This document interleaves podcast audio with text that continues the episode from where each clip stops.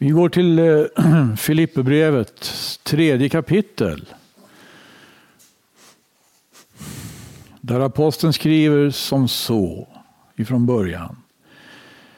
Eh, det är ett allvarligt givakt här. Och det får vi kanske ägna oss åt en liten stund här. Men jag läser första versen. För övrigt mina bröder, gläd er i Herren. Att skriva till er detsamma som förut, det räknar jag icke för något besvär. Och det är för er tryggare.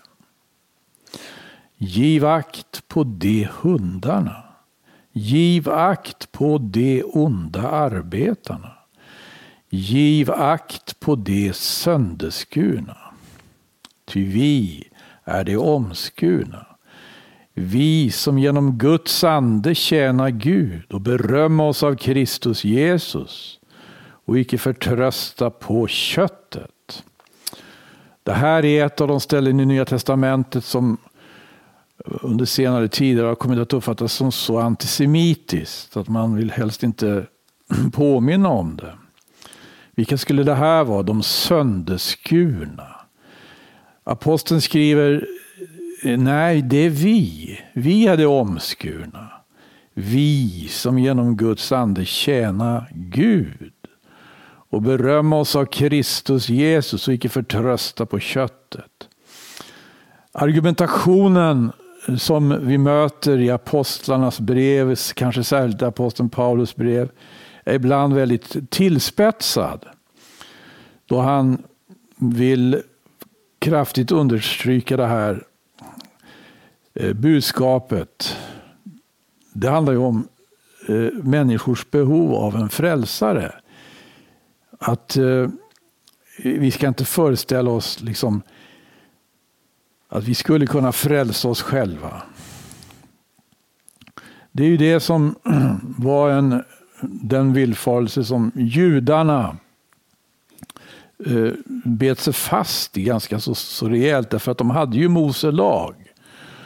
Och Mose lag hade kommit från Gud. Den hade kommit från Gud. Mose lag fick ju, eh, fick ju eh, de tolv stammarna ta emot på ett så storslaget vis.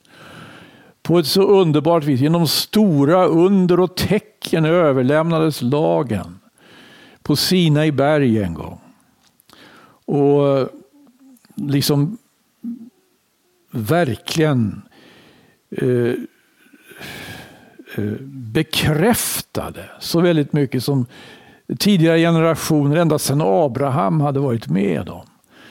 Det var ju faktiskt Abraham som fick det här att han skulle låta omskära sig och sitt hus. Han skulle låta omskära sig och sitt hus. Och det skulle sedan alla hans efterkommande göra. Men i, i aposteln Paulus eh, framställning av evangelium så, så, har det här liksom med omskärelsen blivit eh, ett argument mot Kristus som han måste ta itu med. Det, det, argument, det, liksom, det, det var det som, eh, till, som, som orsakar verkligen eh, stora eh, svårigheter ibland att predika evangelium. Eh, I, i Romarbrevet så går ju aposteln rätt långt då han för att, eh, för att liksom betona det här med evangelium och att människan då, särskilt juden skriver han, har, har inga möjligheter att frälsa sig själv. Inte ens på grund av att inte ens lagen hjälper. Den kan vittna om evangelium, men den kan inte ta evangeliets plats. Och för att, för att han ska, för att eh, framställa det här tydligt då i Romarbrevet så skriver han exempelvis i Romarbrevets andra kapitel på detta vis. Jag kan läsa från elfte versen. Hos Gud finns inget anseende till personen. Alla de som utan lag har syndat ska utan lag förgås och alla de som med lag, som med lag har syndat ska genom lag bli dömda. När jag läser det här så jag, jag är lite rädd för att man hamnar i en retorik. Liksom, som, jag har en känsla av att det, det, det är inte frågor som är så efterlysta numera. Det här aposteln Paulus undervisning om skillnaden mellan lag och evangelium. Jag vet inte, det liksom fångar, fångar inte intresset. Det, det liksom hör inte så väldigt ofta, tycker jag, till de frågor som ställs. Eh, men, men, vänta lite nu. Vi, vi, vi, vi tar och går lite vidare här. Han skriver så här i trettonde versen. Icke lagens hörare rättfärdiga inför Gud, men lagens görare ska förklaras rättfärdiga. Ty då hedningarna, hedningarna, inte judarna utan hedningarna, det vill säga grekerna, det vill säga araberna, det vill säga alla andra folk som inte hade Mose lag. Då hedningarna som inte har lag av naturen gör vad lagen innehåller så är dessa utan att ha lag sig själva en lag. Nu tycker jag däremot att vi hamnar i mycket, aktuell, mycket aktuella diskussioner. Mycket aktuella, dagsaktuella frågeställningar. För jag kan inte erinra mig en enda dag som jag läser nyheterna då inte de här frågorna ställer, kommer fram på, på så många olika vis. Vad som är rätt och vad som är fel. Va? Och så mycket ibland harmfulla, ibland stolta, ibland ödmjuka, ibland eh, riktigt intressanta och ibland väldigt ointressanta så att säga, inlägg görs. Just när det gäller det här som har att göra med vad som är rätt eller fel. Det här skriver aposteln Paulus. Det här förstår alla människor på ett sätt. Det här var då mycket eh, aktuella frågor ute bland nationerna där aposteln reste runt. Det här förstår alla människor. Eh, och han går, han går här så långt att han skriver då, då hedningarna som inte har lag, som inte har Mose lag, som tydligt och klart säger vad som är rätt och fel för en jude, men även har en klar universell tillämpning. Du ska inte ljuga. Du ska inte bära falskt vittnesbörd. Till och med barn fattar det. Man, barn som leker med varandra. Ibland hör man en, ett barn skrika till ett annat barn. Du ljuger! Ja, och, och, och, och, gråter och, är ledsen. Det här... Men det, det, det, att det finns en sån här levande, väldigt klar uppfattning om vad som är rätt och fel på det viset bland människor. Det går ju aldrig aposteln in och säger att därför behövs ju inte evangelium. Men alla människor förstår ju ändå vad som är rätt och fel. Därför behövs ingen frälsning. Det säger han inte. Han tar ju upp det här däremot för att bemöta det motstånd han möter hos sina egna eh, landsmän. Bland fariser som han själv tillhörde. Han tillhörde ju den gruppen. Av den anledningen så, så tar han fram det här att då hedningarna som inte har lag av naturen gör vad lagen innehåller. Så dessa utan att ha lag sig själva en lag. Då det ju sålunda visat lagens verk är skrivna i deras hjärtan. Därom utgör också deras egna samveten ett vittnesbörd, så och i den inbördes umgängelsen deras tankar när dessa anklagar och försvarar dem. Det här är som taget direkt ur den dagsaktuella debatten. Han, liksom, han på något vis eh, beskriver vad samtal människor emellan, diskussioner människor emellan eh, handlar om. Hedningar, alla människor som inte har lagen eh, men är sig själva en lag, då de ju sålunda visar att lagens verk är skrivna i deras hjärta. Därom utgör också deras egna samveten ett vittnesbörd. Så i den inbördes umgängelsen, deras tankar, dessa anklagelser och försvar. Varför har vi ett sådant politiskt system? Varför har vi en riksdag där man ständigt debatterar, där man ständigt debatterar, där man ständigt diskuterar? Jo, därför att olika synpunkter och åsikter ska konfronteras med varandra. Och så ska man kunna sitta tillsammans, en stor skara människor. Och genom media, en väldigt stor skara människor kan följa de här diskussionerna. Och, och liksom förstå Eh, hur resonemangen går och varför man kommer fram till en det ena eller en det andra. Men det här tar ju aposteln Paulus upp i Romarbrevet. Därför att han eh, går emot en viss, eh, en viss, så att säga, eh, ett visst motstånd från sina egna landsmän, sina egna fariseer. Men det betyder inte att han tar upp det här som en, så att säga, det här är ju, det handlar ju inte om, han kommer att predika evangelium. Han kommer att predika frälsningens budskap i Jesus Kristus. Och han säger att man ska inte inbilla sig därför att man har lagen och därför att man omskär sig, att man, är, att man för den skull är frälst. Men han säger ju inte för den skull att man, att man kan företräda, han säger ju inte heller här att för den skull att man kan föra ett, ett, så att säga, ett resonemang om vad som är rätt och fel. Att det skulle vara frälsande. Mm. Och, och då kanske man kan, jag vet inte, med tanke på hur han uttrycker sig i Filipperbrevet få, få ur den här meningen dess antis, eventuellt antisemitiska udd för att finna sanningen. Ja, för det är en väldigt allvarlig vers.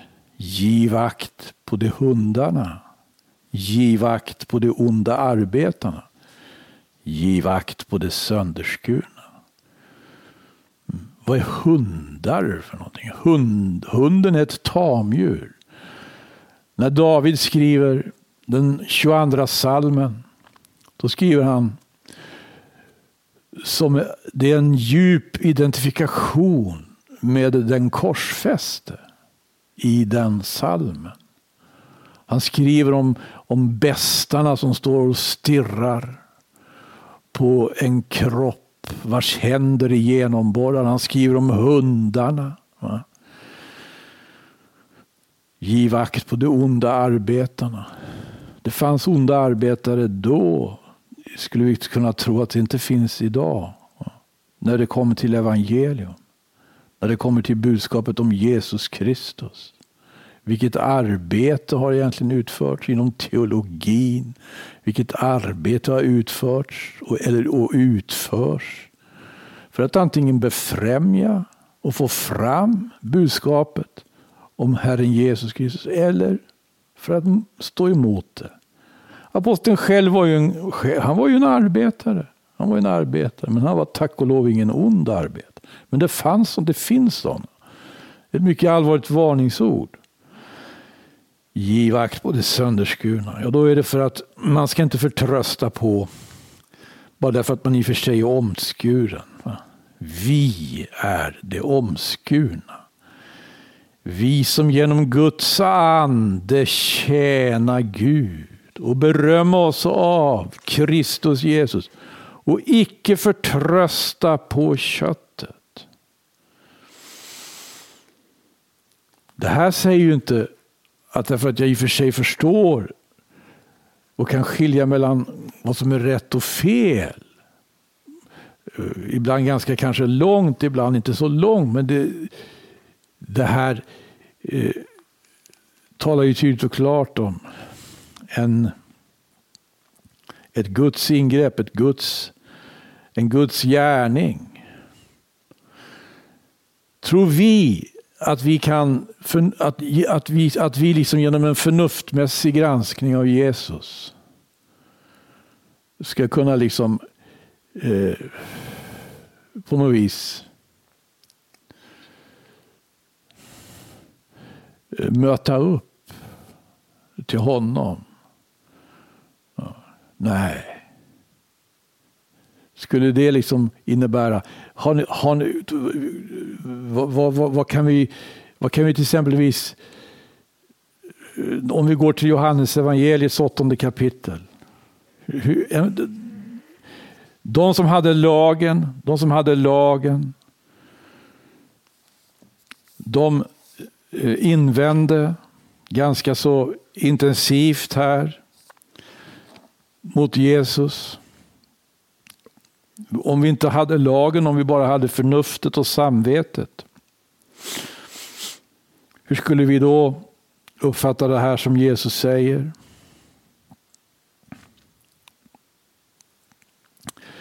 Det står så här i Johannes evangeliets åttonde kapitels tolfte vers.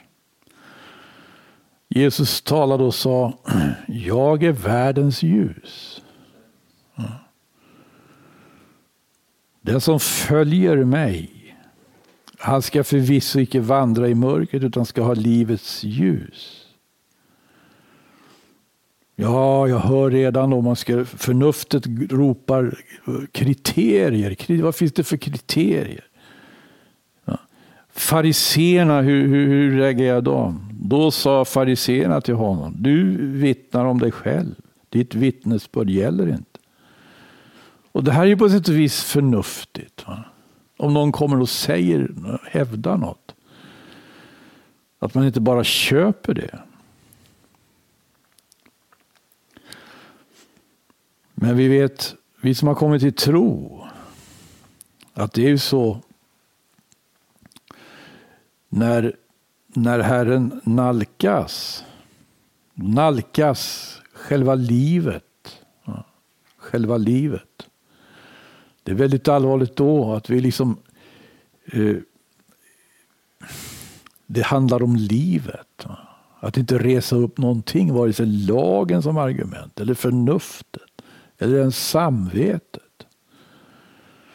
Som att vi skulle kunna vara i stånd att avgöra vad, vad livet är. Det är ju precis det här som är människans problem. På grund av synden. Att hon inte fattar och inte förstår livet när livet kommer. När livet nalkas. Vi, vi, vi ska liksom bestämma det själva vad som är livet. Men det här är ju det, det, här är ju det budskap vi, vi har ifrån aposteln, Alltså att vi, vi har förlorat förmågan att avgöra så för oss själva allvarliga frågor. Och det, och det kan vi inte acceptera om vi inte accepterar det att vi är syndare. Fariséerna, du, du vittnar om dig själv, ditt vittnesbörd gäller inte. Jesus svarade och sa till dem, om jag än vittnar om mig själv så gäller dock mitt vittnesbörd. Ty jag vet varifrån jag har kommit och vart jag går. Men ni vet icke varifrån jag kommer eller vart jag går. Och så säger han där, ni dömer efter köttet, jag dömer ingen. Och då är han inne på exakt samma spår som aposteln Paulus i Filippus. Eller kanske ska jag säga aposteln Paulus i Filipperbrevet är inne på exakt samma spår. Som Jesus i Johannes evangeliets åttonde kapitel.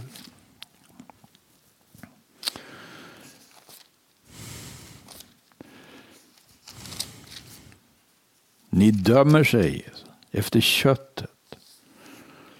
Men vad är det? Jo, det, här, det är en sån djup och allvarlig och profetisk kritik av människan att det inte är många som står ut med. De stod inte ut med det. Men om Guds ande får utföra sitt verk hörrni, med oss så kommer vi fram till och inser och erkänner att det här är sanningen. Köttet representerar enorma resurser, enorma resurser. Nu säger Jesus till dem, ni dömer efter köttet. Om de skulle kunna skrika och ropa, vi har ju inget annat än köttet. Vi har ju, och detsamma. Vi, skriver aposteln, vi är de omskurna, vi som genom Guds ande tjänar Gud och berömmer oss av Kristus Jesus och icke förtrösta på köttet. Köttet representerar ju enorma resurser. Mm. Vi förtröstar icke på köttet, skriver aposteln Paulus. Och vi ropar, vi har ju inget annat än köttet. Ni dömer efter köttet, säger Jesus. Och vi skriker, vi har ju inget annat än kött. Jag har ett glatt budskap till dig ikväll. Det är att det finns något annat än köttet. Det finns en Gud. Som inte, som är, det finns en Gud som är ande. Det finns en Gud som har sänt sin son. Han har sänt sin son. Aposteln Johannes vittnar. Han säger vi har själva sett och vi vittnar om att Gud har sänt sin son i världen för att vara världens frälsare. Och vi som har hört det här budskapet och tagit emot det, vi instämmer. Vi sjunger som, som Stig-Erik gjorde här i början, om lammet. Ja, om lammet. Vi tackar Gud för det att han har kommit till hjälp och undsättning. Räddat oss genom att låt oss genom, genom sanningens ord få, få förstå sanningen om oss själva. Gode Gud, vi är de omskurna, vi som genom Guds ande tjänar Gud och berömma oss av Kristus Jesus och icke förtrösta på kött. Det må vara omskärelse. Varför skulle det vara köttet? Ja, men allting som kan utföras i köttet. Det, det, det får man liksom se upp med att inte förtrösta på det därför att det kan utföras i köttet. Någonting som kan utföras i kött dömer. Hör, hör, att döma efter köttet, någonting så allvarligt som att döma. Köttet gör alltså anspråk på att förfoga över ett omdöme, över förmåga. Ja, det gör ju det. Det gör ju det, men det är förblindat när det kommer till frågan om, om livet. Den stora och allvarliga frågan. Om livet. Det som är så allvarligt för människan, syndaren, det är just frågan om livet i Gud. För det är det hon har förlorat. Det är inte så att hon har förlorat livet alldeles helt. Men förr eller senare gör hon det. Och det här är klart, för oss är det inte. I början av år 2021. Livet är kort. Livet är kort. Och livet varar inte för evigt. Men eh,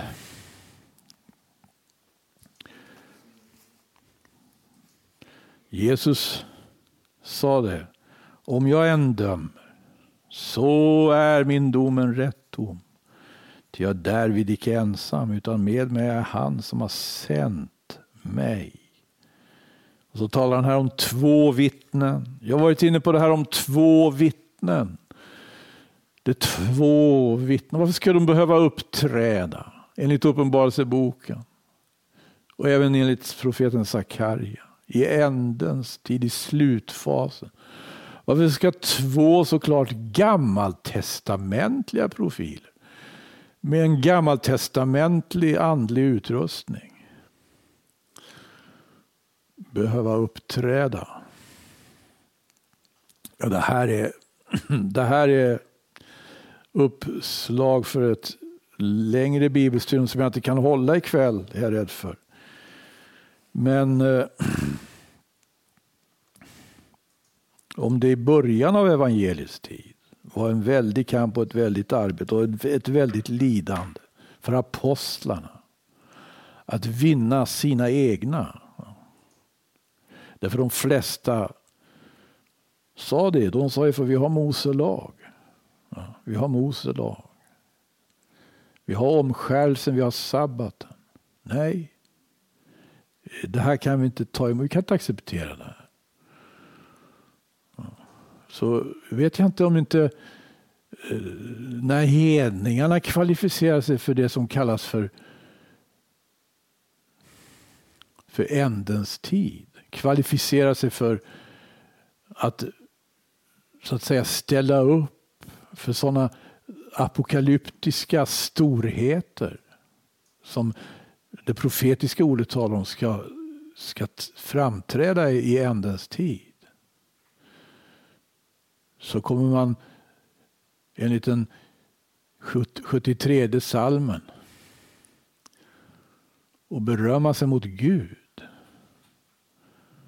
Därför man säger så här när man är väldigt aktiv på alla möjliga områden. Skulle sådan kunskap finnas hos den högste? Skulle sådan kunskap finnas hos den högste? Vad är det för en fråga? Det är frågan, det, det, det, det, det är det resonemang som den människa för som ser alla resurser i köttet. Alla resurser. Ja. Och som inte på något vis kan tänka sig att eh, det gamla evangeliet erbjuder en utgång. Gode Gud. Giv akt, skriver aposteln. Giv akt. Giv akt. Vilka ska vi giva akt? Han säger bland annat onda arbetare. Här är en väldig strid i den evangeliska världen, i samtiden. Man vill dra upp gränslinjerna. Det finns en slags, och det är mycket allvarligt, det finns en, en det finns en medvetenhet hos många om om, om, om att vi lever i, i, i, i tidens slutfas. Att vi, vi närmar oss Herrens tillkommelse och vi måste verkligen vara på vår vakt. Det, det är sant. Det är sant. Men vi måste verkligen också vara vägledda av, av Guds ord, av Guds nåd. Ja. aposteln Paulus skriver till korintierna om hur han vandrade. Vägledd icke av kötslig vishet. Icke av kötslig vishet. Köttet representerar alltså väldigt mycket. Köttet har väldiga resurser. Det finns vishet där också. Men han skriver icke icke vägledd av kötslig vishet. Utan av Guds nåd.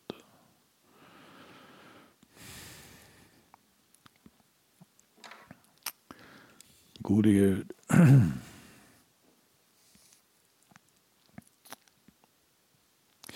Ja, det är mer här, men det är svårt att formulera riktigt.